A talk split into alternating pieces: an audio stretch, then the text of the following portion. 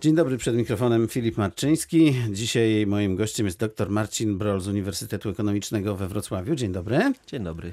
A porozmawiamy na temat pewnej ankiety, którą mam nadzieję, że Państwo wypełnili, bo jak pytają, to należy z tego skorzystać, bo rzadko nas o cokolwiek pytają. Najpierw taki cytat.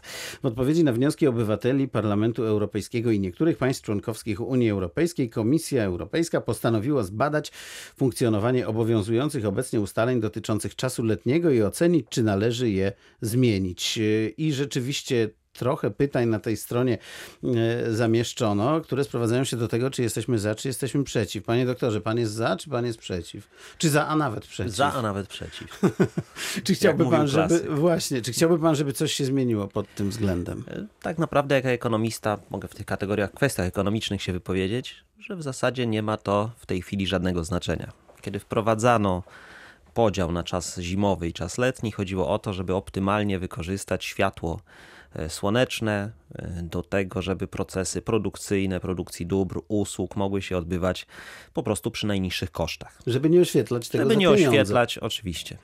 E, a w tej chwili to nie ma żadnego już znaczenia, bo przecież te wszystkie fabryki, które widzimy, które powstają teraz, jak można powiedzieć, grzyby po deszczu, one w ogóle żadnych okien już nie mają. Tak, oczywiście. Dużo lepszym rozwiązaniem jest, szczególnie tam, gdzie się pracuje na zmiany, jest y, tworzenie sztucznego środowiska, które jest takie samo niezmienne i gwarantuje y, ciągłość tych procesów produkcyjnych. Ale swoją drogą, dlaczego przestano w ogóle korzystać ze światła słonecznego przy y, oświetlaniu właśnie choćby fabryk? Czy prąd stał się w porównaniu z poprzednimi kosztami, jakie one były kiedyś, tak tani, że nie ma to już znaczenia? E, on w dalszym ciągu jest pewnym kosztem no znaczącym w przedsiębiorstwach. E, jednakże trzeba pamiętać, że współczesne rynki to są rynki w zasadzie niezasypiające. Mamy globalną gospodarkę i w związku z tym zawsze ktoś jest, kto kupuje, kto sprzedaje i w związku z tym procesy ekonomiczne muszą odbywać się całą dobę. A I... wtedy to już nie ma naprawdę znaczenia, czy zużywamy tego prądu więcej, czy mniej. Dodatkowo postęp techniczny, który powoduje, że jednak faktycznie te e, urządzenia są coraz tańsze i trzeba też pamiętać, że kiedyś światło generowane czy wytwarzane przez żarówkę było po prostu głównym składnikiem kosztów w przedsiębiorstwie. W tej chwili, tym, co ciekawe, tym głównym składnikiem oprócz maszyn urządzeń są na przykład urządzenia chłodnicze, które zużywają dużo więcej, czyli klimatyzatory na przykład, które zużywają dużo więcej e, energii elektrycznej niż żarówki. No tak e, na marginesie to w tym roku, w tym sezonie chyba rzeczywiście przedsiębiorcy będą mieli większe trochę koszty niż, e, niż do tej pory. To też ma znaczenie, że było tak gorąco, prawda? Oczywiście i tutaj myślę, że y, zmiany klimatyczne czy wzrost temperatur, który jest już niepodważalnie obserwowany, y, jest dużo, dużo bardziej kosztochłonny niż, niż kwestia oświetlania y, w nocy hal produkcyjnych. A tak w ogóle to my rozmawiamy dzisiaj o tej zmianie czasu, a nie jak zwykle dwa razy w roku, w ostatni weekend marca i października, dlatego że to do dzisiaj tylko jeszcze można odpowiadać na te pytania, które zadaje nam Unia Europejska. I teraz Unia Europejska będzie e, wyciągać wnioski z tego, co obywatele na ten temat e, powiedzą.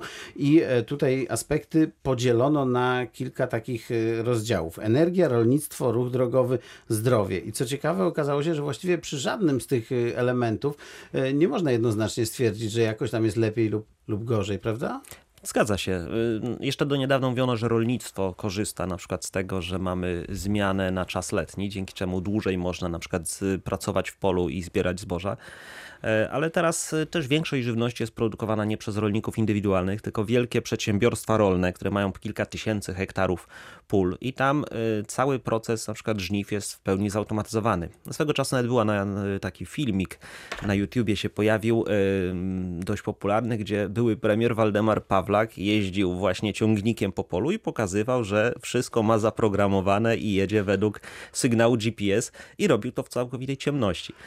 Więc nawet tam światło dzienne nie jest do niczego już potrzebne. Ale zdaje się, że jest jeden taki aspekt, który pewne znaczenie ma. To znaczy, e, w takim organizmie, jakim jest Unia Europejska, e, ten czas, na ile można, e, powinien być chyba ujednolicony z różnych względów. Tak, i tutaj głównym czynnikiem jest transport. To jest najważniejsze, dlatego że jeżeli mielibyśmy różne różny, różne mm, czasy, czy różne strefy czasowe. Mamy różne strefy czasowe, ale gdybyśmy mm, nie mieli tej jednolitej zmiany czasu, to wtedy byłby problem na przykład z synchronizacją transportu lotniczego czy kolejowego.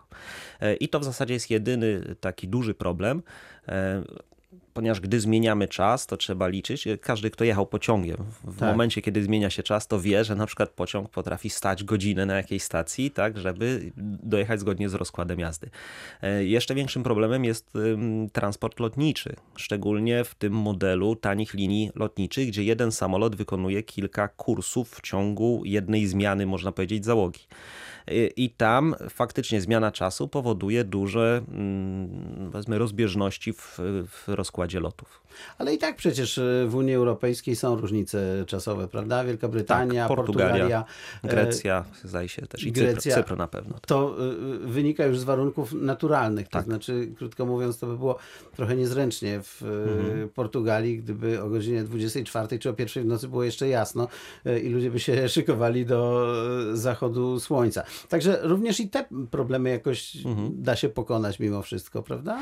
Tak, oczywiście. To jest kwestia E, też postępu technicznego, że systemy komputerowe pomagają nam tak naprawdę e, w tego typu sytuacjach. Tam, gdzie trzeba na przykład właśnie synchronizować rozkład jazdy, to mamy wspomaganie w postaci komputerów. Proszę pamiętać o tym, że tak jak wspominałem wcześniej, e, w zasadzie rynki działają teraz globalnie, czyli zawsze gdzieś coś się dzieje. Jak giełda w Hongkongu się zamyka, to się otwiera w Nowym Jorku i w związku z tym ten podział dzień-noc też z punktu widzenia ekonomii nie jest już tak znaczący. Czy jest wobec tego Pańskim zdaniem jakaś dobra przyczyna, że należałoby ten czas zmieniać lub go nie zmieniać? Czy to w ogóle da się w jakikolwiek sposób uargumentować poza tym, że nam się coś podoba lub ewentualnie nie podoba? Słyszałem tylko o czynnikach e, zdrowotnych, że wpływa to na nasze zdrowie, natomiast jako ekonomista nie widzę tutaj żadnych przesłanek do tego, żeby coś zmieniać. A wie pan, że Komisja Europejska na e, swojej stronie pod tą właśnie ankietą e, zamieściła te, te, te cztery rozdziały i stwierdziła, że jeśli chodzi o zdrowie, no to właściwie też trudno potwierdzić, że tutaj są jakiekolwiek problemy. Podobnie jeśli chodzi o ruch drogowy, bo to Finowie zdaje się zgłaszali, że po tej zmianie czasu ludzie są tacy rozkojarzeni, niedospani. I więcej wypadków się zdarza. No, I powodują więcej wypadków. Z tego ale... co wiem, w Polsce nie ma to żadnego, czy nie ma przełożenia ta zmiana czasu. Także być może Finowie jakieś inne mają tutaj powody. To podobno też naród, który nadużywa alkoholu, więc może z tego powodu. To jest, to jest możliwe. E, kolejna rzecz, o której e, słyszałem, to bezpieczeństwo dzieci na przykład. Bo mhm. e, najwięcej, ale to nie wynika z badań moich, tylko z moich takich rozmów po prostu z ludźmi, najwięcej jest takich, którzy chcieliby, żebyśmy zostali na zawsze przy tym czasie letnim. To znaczy, żeby w lecie było długo jasno, a w zimie trochę później, żeby się robiło jasno. Ale e, kwestia bezpieczeństwa dzieci akurat zwraca moją uwagę, które chodziłyby mhm. do szkoły o godzinie siódmej, przecież całkiem po cienku, jak pan mhm. myśli. Y, lepiej jest, żebyśmy zostali przy czasie letnim, czy lepiej jest tak, jak jest z tego e, względu? To też nie jest takie jednoznaczne, dlatego że w miastach e, w ogóle dzieci w zimie i tak chodzą do szkoły, kiedy jeszcze jest ciemno. Zdarza bardzo, się. bardzo często się tak zdarza. E, I tutaj w większych miastach problemem jest przede wszystkim odpowiednie oświetlenie ulic. E, natomiast no, faktycznie może być problemem w mniejszych miejscowościach, gdzie nie ma chodników, gdzie nie ma oświetlenia ulicznego. E, tam może być to problemem. Ale też proszę pamiętać o tym, że coraz częściej gminy w tych mniejszych miejscowościach organizują transport dla tych dzieci i wtedy też nie ma to większego znaczenia. Samochody w dzisiejszych czasach mają reflektory. Oczywiście. Przecież. U nas obowiązek jeździć jest na światłach cały rok. A no właśnie. A to wobec tego proszę powiedzieć, czy to oświetlanie ulic ma jakiś yy, wpływ, yy, jeśli chodzi o czas właśnie letni, zimowy? Może tu trochę krócej, może tu by się dało trochę urwać, zaoszczędzić. Z ekonomicznego punktu widzenia też nie ma to znaczenia. Kiedyś miało, to znaczy kiedy były latarnie gazowe i trzeba było je zapalać, gasić, byli ludzie, którzy, którzy którzy się tym zajmowali, e, wtedy latarnie nie świeciły się całą noc ze względów oszczędnościowych. Natomiast w chwili obecnej one i tak się świecą całą noc, e, a ta noc trwa tyle samo, bez względu na to, czy mamy przesunięcie, czy nie. W związku z tym i tak tyle samo będziemy wydawać na oświetlenie uliczne. Miasta nie gaszą oświetlenia ulicznego w, w godzinach nocnych. No tak, bo jeśli ta noc zacznie się o dziewiątej wieczorem, to potrwa do szóstej lub do siódmej, od dziesiątej, wszystko Oczywiście. jedno. E, znów e, kwestia umowy. A tak osobiście, co by pan wybrał sobie dla nas e, jako obywatel Unii Europejskiej i wypełniający tę ankietę? Ja pozostałbym przy zmianie czasu.